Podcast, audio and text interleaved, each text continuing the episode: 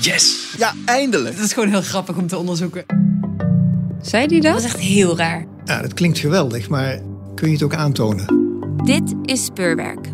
Wij brengen je de hoogtepunten van Investigo's nieuwste publicaties en laten je zien hoe journalisten te werk gaan. Ik ben Sylvane van den Braak.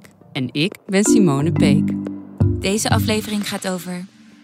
It's very obvious that this is criminal guy comes and trying to solve their criminal problems. Eigenlijk speel je dan als Nederlandse rechter de rol van een soort van scheidsrechter, terwijl je het spel helemaal niet kent. Welkom bij Speurwerk. Vandaag gaan we luisteren naar een uitzending die Simone maakte voor radioprogramma Argos. Samen met Carlijn Kuipers onderzocht ze de druk die brievenbusbedrijven leggen op de Nederlandse rechtspraak. Het gaat hierbij om bedrijven die om fiscale of juridische redenen in Nederland gevestigd zijn, maar waarbij al het echte werk eigenlijk in een ander land wordt uitgevoerd. Dit gaat niet alleen om ingewikkelde en langslepende rechtszaken, maar voor de rechter is ook niet altijd te overzien of hij wel of niet misleid wordt. Luister in deze uitzending naar waarom Russische zakenlieden voor de Nederlandse rechtbank kiezen en wat dat met zich meebrengt.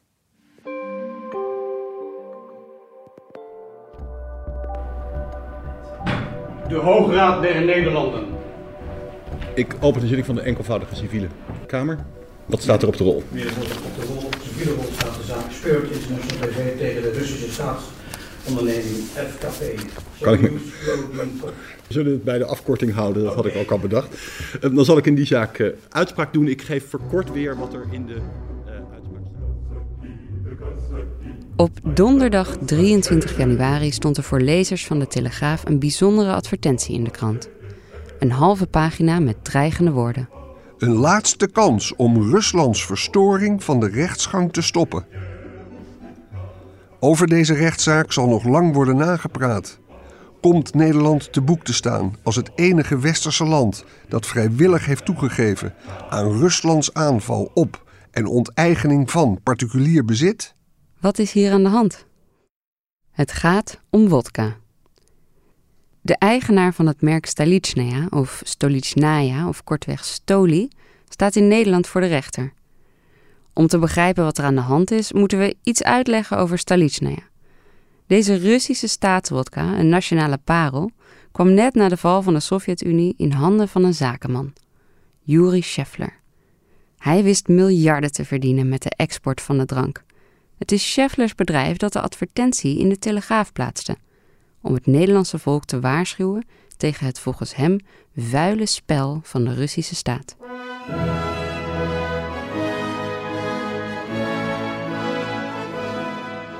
De vete ontstond rond de eeuwwisseling, toen Vladimir Poetin de president werd van Rusland. Hij opende de aanval op Schefflers vodka-bedrijf.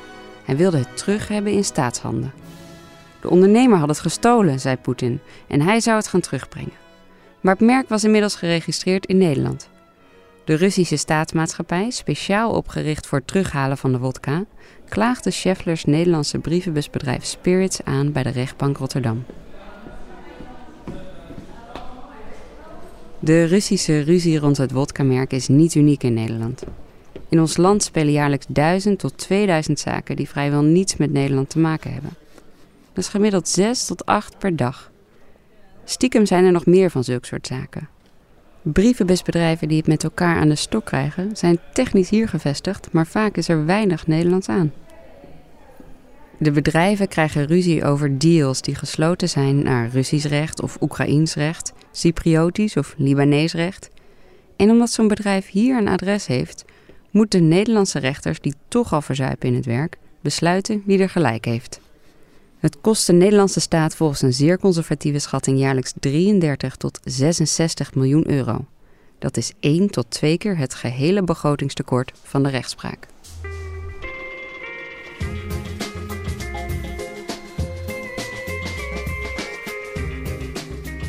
In ons onderzoek zaten we bij een echtscheidingszaak tussen twee Russen.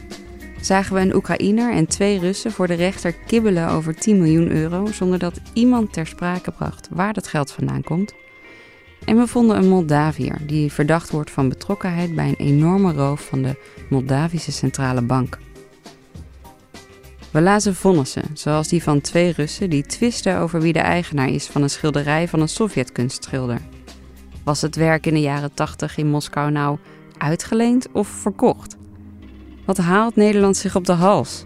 En hoe doet de rechter dat? Een oordeel vellen over conflicten die duizenden kilometers verderop spelen. In landen waar documenten worden vervalst, rechters worden omgekocht en getuigen worden vermoord. Bij een van de rechtszaken die we bijwonen ontmoeten we de Rus Sergei Malajavi. We mochten de zaak niet opnemen op advies van zijn advocaat, maar we mochten hem achteraf wel bellen. Hallo. Het was voor Sergei ook een verrassing dat zijn zaak voor de Nederlandse rechter kwam. Uh, this case, uh, unexpectedly also for me, uh, went to Netherlands because I invested my money in Russian assets and uh, my former partner and now my enemy, Mr. Gitlin, decided to organize uh, a Netherlands company as shareholder of Russian subsidiaries. Sergei heeft zijn geld geïnvesteerd in Russische aandelen. En die zijn door zijn toenmalig zakenpartner Igor Gitlin ondergebracht in Nederland. He explained me that it, it's better for us for saving of taxes and also he liked to hide his personality because he dreamed about position of uh, minister of transport. Zijn zakenpartner bracht het geld naar Nederland om belastingredenen en om zijn geld te verstoppen, zegt Sergei. Igor Gitlin wil niet op de radio komen, maar beweert via de mail precies het tegenovergestelde. Hij zou volgens Gitlin degene zijn geweest die zijn geld wilde verstoppen. En het was zijn idee om dat in Nederland te doen. Hoe dan ook, de voormalige compagnons zijn nu vijanden. Ik leg de zaak in het kort uit. In de Nederlandse holding is volgens Sergei de opbrengst van de huur van een aantal Moskouse appartementen ondergebracht. Igor Gitlin startte de rechtszaak omdat hij nog 10 miljoen zou krijgen van zijn voormalig zakenpartner. Gitlin won en Molozavi ging in hoger beroep. In de rechtszaal gebeurt iets geks. Er komt ineens een andere advocaat bij die zegt dat zijn cliënt de schuldpapieren heeft gekocht en dat hij dus recht heeft op het geld. De advocaat heeft een aantal papieren bij zich die dat moeten bewijzen. Het is een verwarrende situatie, ook voor de rechter, die de documenten niet eens kan lezen. Het ene document is een halve kopie van een vertaling en het andere document is in het Cyrillisch geschreven. De rechtszaak wordt uitgesteld zodat de rechter de stukken kan bekijken. Maar volgens Sergei zijn de documenten gefabriceerd. En nu wordt de zaak uitgesteld terwijl hij juist haast heeft. Sergei is er niet blij mee. It's obvious that it's scammers, it's uh, false documents and scammers schemes. You, you saw it. Copies was very bad quality and uh, it's very obvious that this is criminal guys comes and trying to solve their criminal problems. Dutch judges looks like child. Het is duidelijk dat het oplichters zijn, zegt Malajavi. Nederlandse rechters zijn niet om te kopen, zegt hij, maar wel veel te goed van vertrouwen. Natuurlijk is hij niet objectief, want hij heeft 10 miljoen te verliezen. Maar hij heeft wel een punt. In Nederland mag de rechter niet onderzoeken of een document vals is, ook niet wanneer hij sterke vermoedens heeft. Zelfs als een van de partijen beweert dat een document vervalst is, is er geen speciale procedure om dat te onderzoeken. Je moet het maar zien te bewijzen. In veel landen is zo'n procedure er wel, zelfs in Rusland. En al mag dat in Rusland dan beter geregeld zijn, dat is wel zo'n beetje het enige. Vanaf de redactie bellen we met Eva Hartog, de oud-hoofdredacteur van de Moscow Times en Rusland-expert. Vanuit Moskou legt zij uit waarom de Russische ondernemers en oligarchen kiezen voor de Nederlandse rechtbank. In Rusland is het recht maar een instrument. Russische rechtbank en het rechtssysteem wordt niet gezien als onpartijdig. Het wordt gezien als iets wat kan worden gebruikt door de meest invloedrijke partij. Dus jij als Russische ondernemer uh, kan er niet van uitgaan dat als je gelijk hebt of als je onrechtmatig wordt beschuldigd van iets, dat je je gelijk kan halen in de rechtbank. Eigenlijk vanuit moeten gaan dat dat niet zo is. Want in Rusland kan je eigenlijk van de een op de andere dag uh, de, ja, van de rijkste man in een man in de gevangenis worden. Dus dat geeft ook invloedrijke, maar ook gewoon een rustig gevoel dat ze veiliger zitten in het buitenland. Als je in Rusland een rechtszaak aan je broek krijgt, is dat bad news, zegt Eva. We gaan even terug naar de wodka. Want inmiddels heeft de rechter bij monden van de Hoge Raad een uitspraak gedaan. En dan de beslissing. De Hoge Raad in het principale beroep verwerpt het beroep. En de tweede rol we hebben geen bijzonderheden meer. Dan sluit ik de zitting. Dank voor uw aandacht. De ondernemer, Juri Scheffler, en zijn bedrijf Spirits kregen opnieuw geen gelijk. Zoals elke keer tot nu toe sinds 2006. Zijn wodka mag niet meer worden verkocht in de Benelux. Dat is al een aantal jaar zo. Iedereen die nu nog in Nederland Stalitznaya koopt, koopt Russische staatswodka.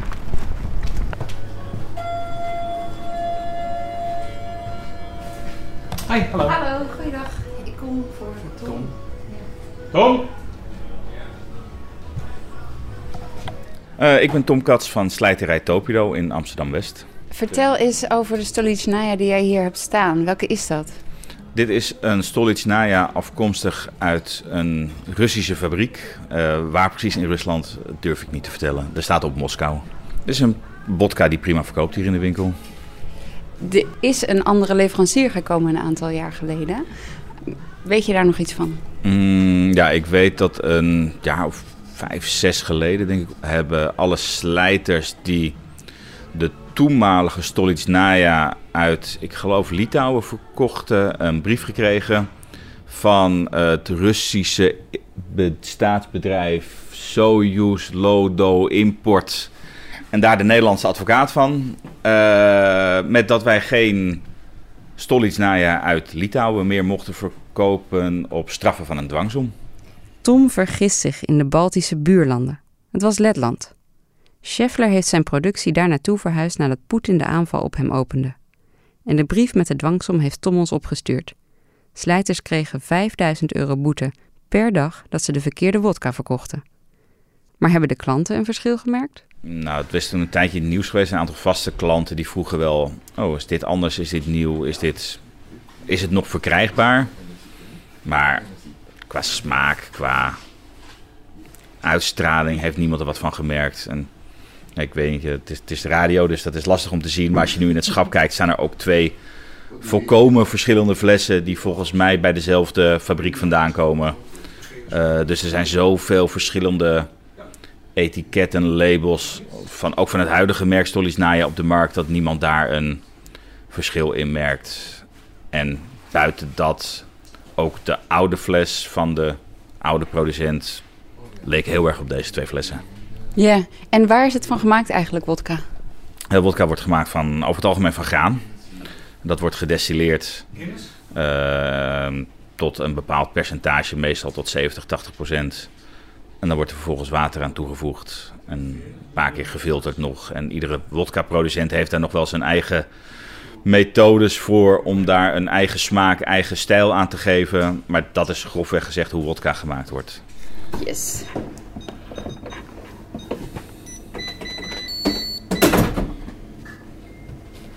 Ja, leuk. Oké, okay, top. Bedankt. Succes. Dag. Tot ziens. Hè. Tot ziens. Water en graan. Het is een miljardenbusiness. Zo moet je deze hele affaire ook zien. Dat zegt ook Eva Hartog. Aan de ene kant denk je bij Stalitschnij vodka en het is, een, een, het is een soort van nationaal Russisch erfgoed en er zit een, een, iets romantisch aan. Maar ik denk dat je in de Russische context vooral echt naar het geld moet kijken, altijd follow the money. Want dat argument dat het nationaal erfgoed zou zijn, uh, dat is ook een manier om af te leiden van waar het daadwerkelijk over gaat. En dat is, uh, we hebben het hier eigenlijk over miljarden dollars. Dus dat is waarom de Russische autoriteiten het vodka-merk willen hebben. Omdat er gewoon ontzettend veel geld aan kan worden verdiend. Stolichnaya, Stolichnaya, not the best that you can buy, but the best that you can drink when you're alone. Om het wodka-merk terug te krijgen is alles uit de kast getrokken. Er kwamen verwijten over en weer. Scheffler heeft niet alleen het wodka-merk gestolen. Volgens de Russische staat is hij ook schuldig aan doodsbedreigingen en is hij lid van de maffia. Volgens de advocaten van Scheffler is het juist de Russische staat die de misdrijven begaat. De politie is zijn bedrijf binnengevallen en heeft zijn eigendomsdocumenten gestolen en verspreidt akelige geruchten over hem. Volgens Scheffler probeert de staat zijn bezit te stelen en heeft het als land zijnde alle mogelijke middelen om dat te doen. Het lastige is, beide scenario's zijn extreem, maar niet ongeloofwaardig gezien de recente Russische geschiedenis. Maar een zaak met zulke grote nationalistische en economische belangen, wat moet een Nederlandse rechter daar nou mee? Eén rechter die we spraken zei: Ik zie geen verschil tussen een grote buitenlandse zaak en een zaak over een aanrijding die om de hoek is gebeurd. Maar is het wel zo vergelijkbaar? We vroegen Eva hoe het er in Rusland aan toe gaat. Uh, het is zo obscuur hier op zoveel verschillende vlakken, op elk niveau, dat, dat je dat volgens mij vanuit Nederland en niet eens vanuit Rusland heel erg moeilijk kan inschatten. Ja. Heel moeilijk, ja. ja. Omdat alles kan worden vervalst. Dat is het. Je kan praktisch uh, iedereen omkopen die je wil. En de regels van het spel zijn hier totaal anders. Ja, eigenlijk speel je dan als Nederlandse rechter de rol van een soort van scheidsrechter. Terwijl je het spel helemaal niet kent. Terwijl er voor je een sport wordt uh, gespeeld die je nog nooit eerder gezien hebt, bij wijze van spreken. Oordelen over een spel dat je niet kent, daar moet de Nederlandse rechter zich aan wagen. Toch is het in Nederland moeilijk gebleken om rechtsspecialisten te vinden die voor de microfoon over dit onderwerp willen praten. Een rechter die we off the record spraken, erkende wel dat het enorm veel tijd kost. Hij zei dat hij met één zaak anderhalf jaar lang wekelijks vele uren bezig was. En hij zei dat één van zijn medewerkers er de helft van al zijn tijd aan kwijt was. Hij zei: Soms kom je er gewoon niet achter of een vonnis eerlijk tot stand is gekomen. Je hebt geen idee voor wiens karretje hier wordt gespannen. Maar zulke verhalen kregen we niet op band. Griffiers verwijzen ons naar persvoorlichters en die willen er niets over zeggen. Rechters doen gewoon hun werk en een zaak is een zaak. Over de grens klinkt wel een kritisch geluid. We spreken de Zweedse professor Anders Aslund, die een rapport schreef over zaken met de Russische staat in westerse rechtbanken. We legden Aslund een uitspraak voor van Nederlandse rechters die zeiden eerlijke goede rechters te zijn, die gewoon beoordelen wat er voor hun ligt. Aslund maakt er gehakt van. I think that's simply dumb. They don't know what they don't know. So, I basically don't think that uh, that they should take anything that the Russians take that serious. Aslund vindt dat de Nederlandse rechter geen zaken moet accepteren waarin de Russische staat een partij is. Hij noemt het dom, serieus dom, dat Nederlandse rechtbanken dit wel doen. Maar de rechter heeft geen keus. Volgens de wet mag hij deze zaken niet weigeren. Ook niet als een rechter in een ander land veel geschikter is om deze zaak te behandelen.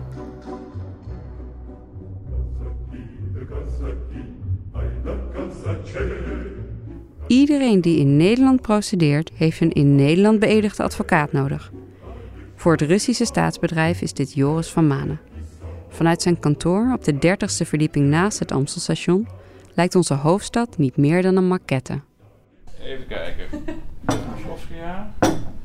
Dit is stolie van.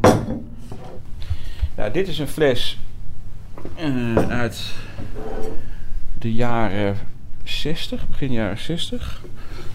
Uh, ouder heb ik ze niet terug kunnen vinden, want um, deze heb ik via het internet gevonden. Dit is dan een fles uit, uit 1983, geloof ik. Ja. Dan zie je ook nog dat gebouw, hè, dat, is een, dat is het Moskou Hotel. Dat is daar uh, nou, zo, net zoals in het begin afgebeeld. Dan dit een fles nou, meer uit eind jaren 90, geloof ik.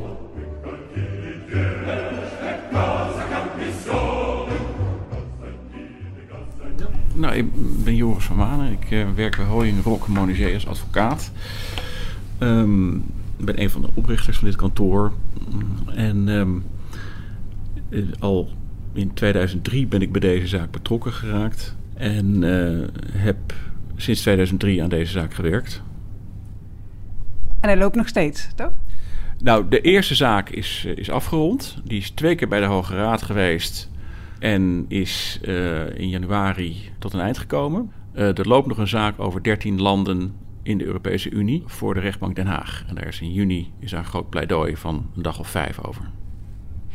En de zaak gaat in de kern eigenlijk over een conflict spirits die zegt dat wodkamerk is geprivatiseerd. Dat is van ons. En FKP zegt dat is niet zo. Het is van de Russische staat. Waarom is wat Spirit zegt volgens, volgens uw cliënt niet waar? Ja, in de eerste plaats moet ik dus een, een beetje op mijn woorden passen, want de zaak ligt onder de rechter. Dus ik uh, kan daar niet uh, alles over zeggen wat er over te zeggen valt. Maar ik kan natuurlijk wel wat zeggen over de uitspraken die gedaan zijn. Uh, als gezegd, twee keer heeft de Hoge Raad zich over uitgelaten. En in totaal dus zes rechtscolleges, zeven inmiddels, zeven keer uitspraak gedaan over het onderwerp. Alle keren heeft de staat gelijk gekregen. Dat zou al een aardige indicatie kunnen zijn waarom de Russische staat gelijk heeft. En waarom hebben de rechters gezegd... ja, dat is omdat het is een lange zaak geweest die 18 jaar gelopen heeft... maar eigenlijk relatief simpel is. De Russische staat, Rusland, heeft al heel lang die vodka-merk... ergens in de jaren 30, 40 van de vorige eeuw zijn, is, is merk Stolichnaya ontstaan... en al 100 jaar daarvoor het merk Moskovskaya, de vodka-merken... Alleen toen viel de Sovjet-Unie uit elkaar. Daarbij zijn zogenaamde schijnprivatiseringen gedaan. En ook de baas van het uh, Russische staatsbedrijf FKP, of destijds VVO, Soyuz Import, die maakte zich op illegale wijze meester van die wodka-merken. Stolichnaya, Moskovskaya en nog veertig andere merken. Nou, dat staatsbedrijf is toen weer in handen gekomen weer van een andere meneer, meneer Scheffler. Die ook weer op niet al te nette wijze uh, zich ontfermd heeft daarover. Ja. Eigenlijk, uh, eigenlijk vrij simpel. Er is iets gestolen, je gaat naar de rechter en je krijgt het gestolen goed terug. Dan heeft, uh, heeft het 18 jaar moeten duren voor het zover kwam. Maar is het niet gek dat de Russische staatsmaatschappij een partij met de middelen van een staat in een civiele rechtszaak tussen burgers in Nederland mag procederen? In zo'n rechtszaak mag de rechter geen enkel eigen onderzoek doen en moet hij volledig afgaan op wat de partijen als bewijs voorleggen. Kan de rechter hierover dan wel goed oordelen? Ja, ik denk het wel. Uh, ik denk dat je na 18 jaar, uh, waarbij zeven verschillende uh, rechtscolleges uh, aan het woord zijn geweest, waarbij iedere keer is gezegd van nee, de Russische staatsbedrijf is gelijk, dat je dan moeilijk kunt zeggen dat, dat de rechters zich niet goed een oordeel kunnen vormen. Ja, ja. Dus eigenlijk het bezwaar dat, dat de Russische staat dingen kan fabriceren, ook best wel veel overheidsdiensten, dat ze daar controle over hebben. Je zegt van het feit dat rechters zo vaak hetzelfde hebben geoordeeld en rechters in verschillende landen neemt dat bezwaar een beetje weg. Of ja, laat zien dat ze het wel kunnen. Fabriceren. Kijk, in deze zaak, uh, nagenoeg al het bewijs is afkomstig van Spirit zelf. Dus uh, er is niks gefabriceerd of uh, heeft niks gefabriceerd kunnen zijn uh, wat tot een andere orde had kunnen leiden. Dus Spirit toont zich een beetje een slechte verliezer in de Benelux-zaak als ze blijft zeggen van het is een oneerlijk proces. Er zijn wat mensen die zeggen van dit is een politiek gemotiveerde zaak, het is misschien wel een strafzaak. Dit moet je eigenlijk helemaal niet civiel behandelen. Um, wat denk je daarvan? Politiek gemotiveerd, uh, dat lijkt me niet. Ik, ik zei al, hè, uh, als, als iets gestolen wordt, bijvoorbeeld je auto, dan wil je je auto terug. En dit is uh, typisch een zaak die door civiele rechter wordt opgelost, omdat twee ondernemingen uh, elkaar uh, bevechten over de eigendom op een bepaald goed. Nederland staat bekend om transparante en eerlijke rechtspraak. Maar kijkend naar de zaken die we bijwoonden, blijven we zitten met een knagend gevoel. Is er recht gesproken? Zijn de bezittingen waarover is geprocedeerd rechtmatig verkregen? Ons wordt het met de beste wil niet duidelijk. En in de meeste rechtszaken komt die vraag niet eens aan bod. Toch wil de Nederlandse regering meer zaken uit het buitenland aantrekken. Nu het moeilijker is geworden om met belastingtrucs internationale bedrijven te lokken, schuiven we de rechterlijke macht naar voren om bedrijven te trekken. Herman van der Meer, president van het gerechtshof Amsterdam, legt het uit bij spraakmakers. We doen nu al in Nederland zaken die eigenlijk weinig met de Nederlandse rechtsorde te maken hebben. Daar komen mensen binnen en besteden wij heel veel tijd en aandacht aan. Ja. Omdat dat gewoon zo moet. En dat doen we natuurlijk ook. Um, en daar vragen we dan 2000 euro gifrecht voor. Ja. En ja, dan is de belastingbetaler is dan eigenlijk wel een beetje de klos, ja. om het zo maar te zeggen. Om te voorkomen dat we doorlopend belastinggeld moeten blijven steken in zaken tussen buitenlandse bedrijven, is vorig jaar het NCC opgericht, de Netherlands Commercial Court. The global business community needs a court that can swiftly and effectively resolve international disputes. That's why the Dutch courts have created the Netherlands Commercial Court. We offer the best of both worlds. Our work is all in English, so are the judgments. And it's Dutch procedure, which tops the charts in reliability and transparency in civil justice. World class judges combine legal expertise with journal experience. Welcome to Amsterdam, a city with a proud history of commerce and justice. We're open for business. The Netherlands Commercial Court. Een hof speciaal voor bedrijven. Het is geen nieuw idee. Londen heeft al jaren een commercial court. En omdat door Brexit deze vonnissen niet meer automatisch gelden voor de hele EU, probeert Nederland deze business af te vangen. We willen weten hoe effectief dit is in Londen en vragen het Bill Browder. Browder is een Amerikaanse zakenman die rijk werd in Rusland in de jaren 90. Zijn voormalig advocaat Sergei Magnitsky overleed in een Russische cel nadat hij een fraude- en diefstalzaak door de overheid wilde blootleggen. Sindsdien zet Browder zich in voor mensenrechten. Wat voor zaken trekt het Commercial Court in Engeland? Um, well, it's interesting because the, um, the commercial court in London is supposed to be to adjudicate, you know, matters of, of you know, conflicts in business. Um, I guess in the UK. Wat interessant is, is dat de handelsrechtbank in Londen conflicten uit het bedrijfsleven moet beoordelen uit, lijkt mij, Engeland. Maar bijna 50% van de zaken in die handelsrechtbank wordt gevoerd door Russen of mensen uit andere voormalige Sovjetstaten. En ze gaan over wat ik zou beschrijven als gestolen geld. Well, so so what you have generally are two Russian oligarchs um, who one of them was stealing from the other one. Meestal zie je dit: twee Russische oligarchen. De een steelt van de ander en daar krijgen ze ruzie over. Well, effectively, what, what you're doing is putting the judges in a position where where they're unwittingly um, validating illegal activities. Wat je doet is de rechters in een positie brengen waarin ze alleen al door de zaken te overwegen onbewust illegale activiteiten legitimeren. If they're deciding over who should get the spoils of stolen property, by them deciding that, they're sort of legitimizing the, the original stealing of the property in the first place. Door te bepalen wie de buit, de gestolen goederen, krijgt, legitimeren ze oorspronkelijke diefstal. En de Nederlandse rechtbanken zijn hier echt niet noodzakelijk op toegerust. It just shows the naivete of a lot of people in the Dutch judicial system towards Russia. Dat ze dit wel doen, toont de naïviteit van veel mensen in het Nederlandse rechtssysteem. Dat roept de vraag op: waarom zou Nederland dit willen? Wat hebben we daaraan? Richard de Haan, partner bij het advocatenkantoor Allen Overy, hoeft er niet lang over na te denken. We kwamen hem tegen bij de rechtbank van Rotterdam, waar hij optrad in een zaak voor een Oekraïns mijnbedrijf. De Haan legt het uit. Waarom doet Nederland dat? Uh, heel uitdrukkelijk om zichzelf op de kaart te zetten als een soort dispute resolution hub. Uh, en daar vaart de economie goed bij, want het is goed voor de advocatuur, voor mij en mijn kantoor. Het is goed voor uh, allerlei andere betrokken adviseurs, vertalers, hotels, restaurants. Het is goed voor Schiphol. Uh, luchtvaartmaatschappijen. Want je ziet vaak als de, als de zaken wat groter zijn, dat daar gewoon ja, best hele grote groepen mensen omheen zwerven. Adviseurs die allemaal uh, ja, gehuisvest moeten worden en hier allemaal uh, moeten zijn om zo'n geschil af te wikkelen. Dus dat is eigenlijk ook gewoon een hele aantrekkelijke economische activiteit.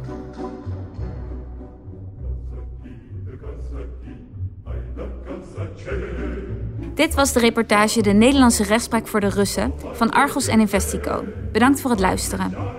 De eindmontage werd gedaan door Alfred Koster en de eindredactie door Huub Jaspers. Er verscheen ook een longread over het onderzoek in de Groene Amsterdammer. Die lees je terug bij hen op de website. We zijn benieuwd wat je van de uitzending vond. Dus laat alsjeblieft een recensie achter in de podcast-app en abonneer je op Speurwerk.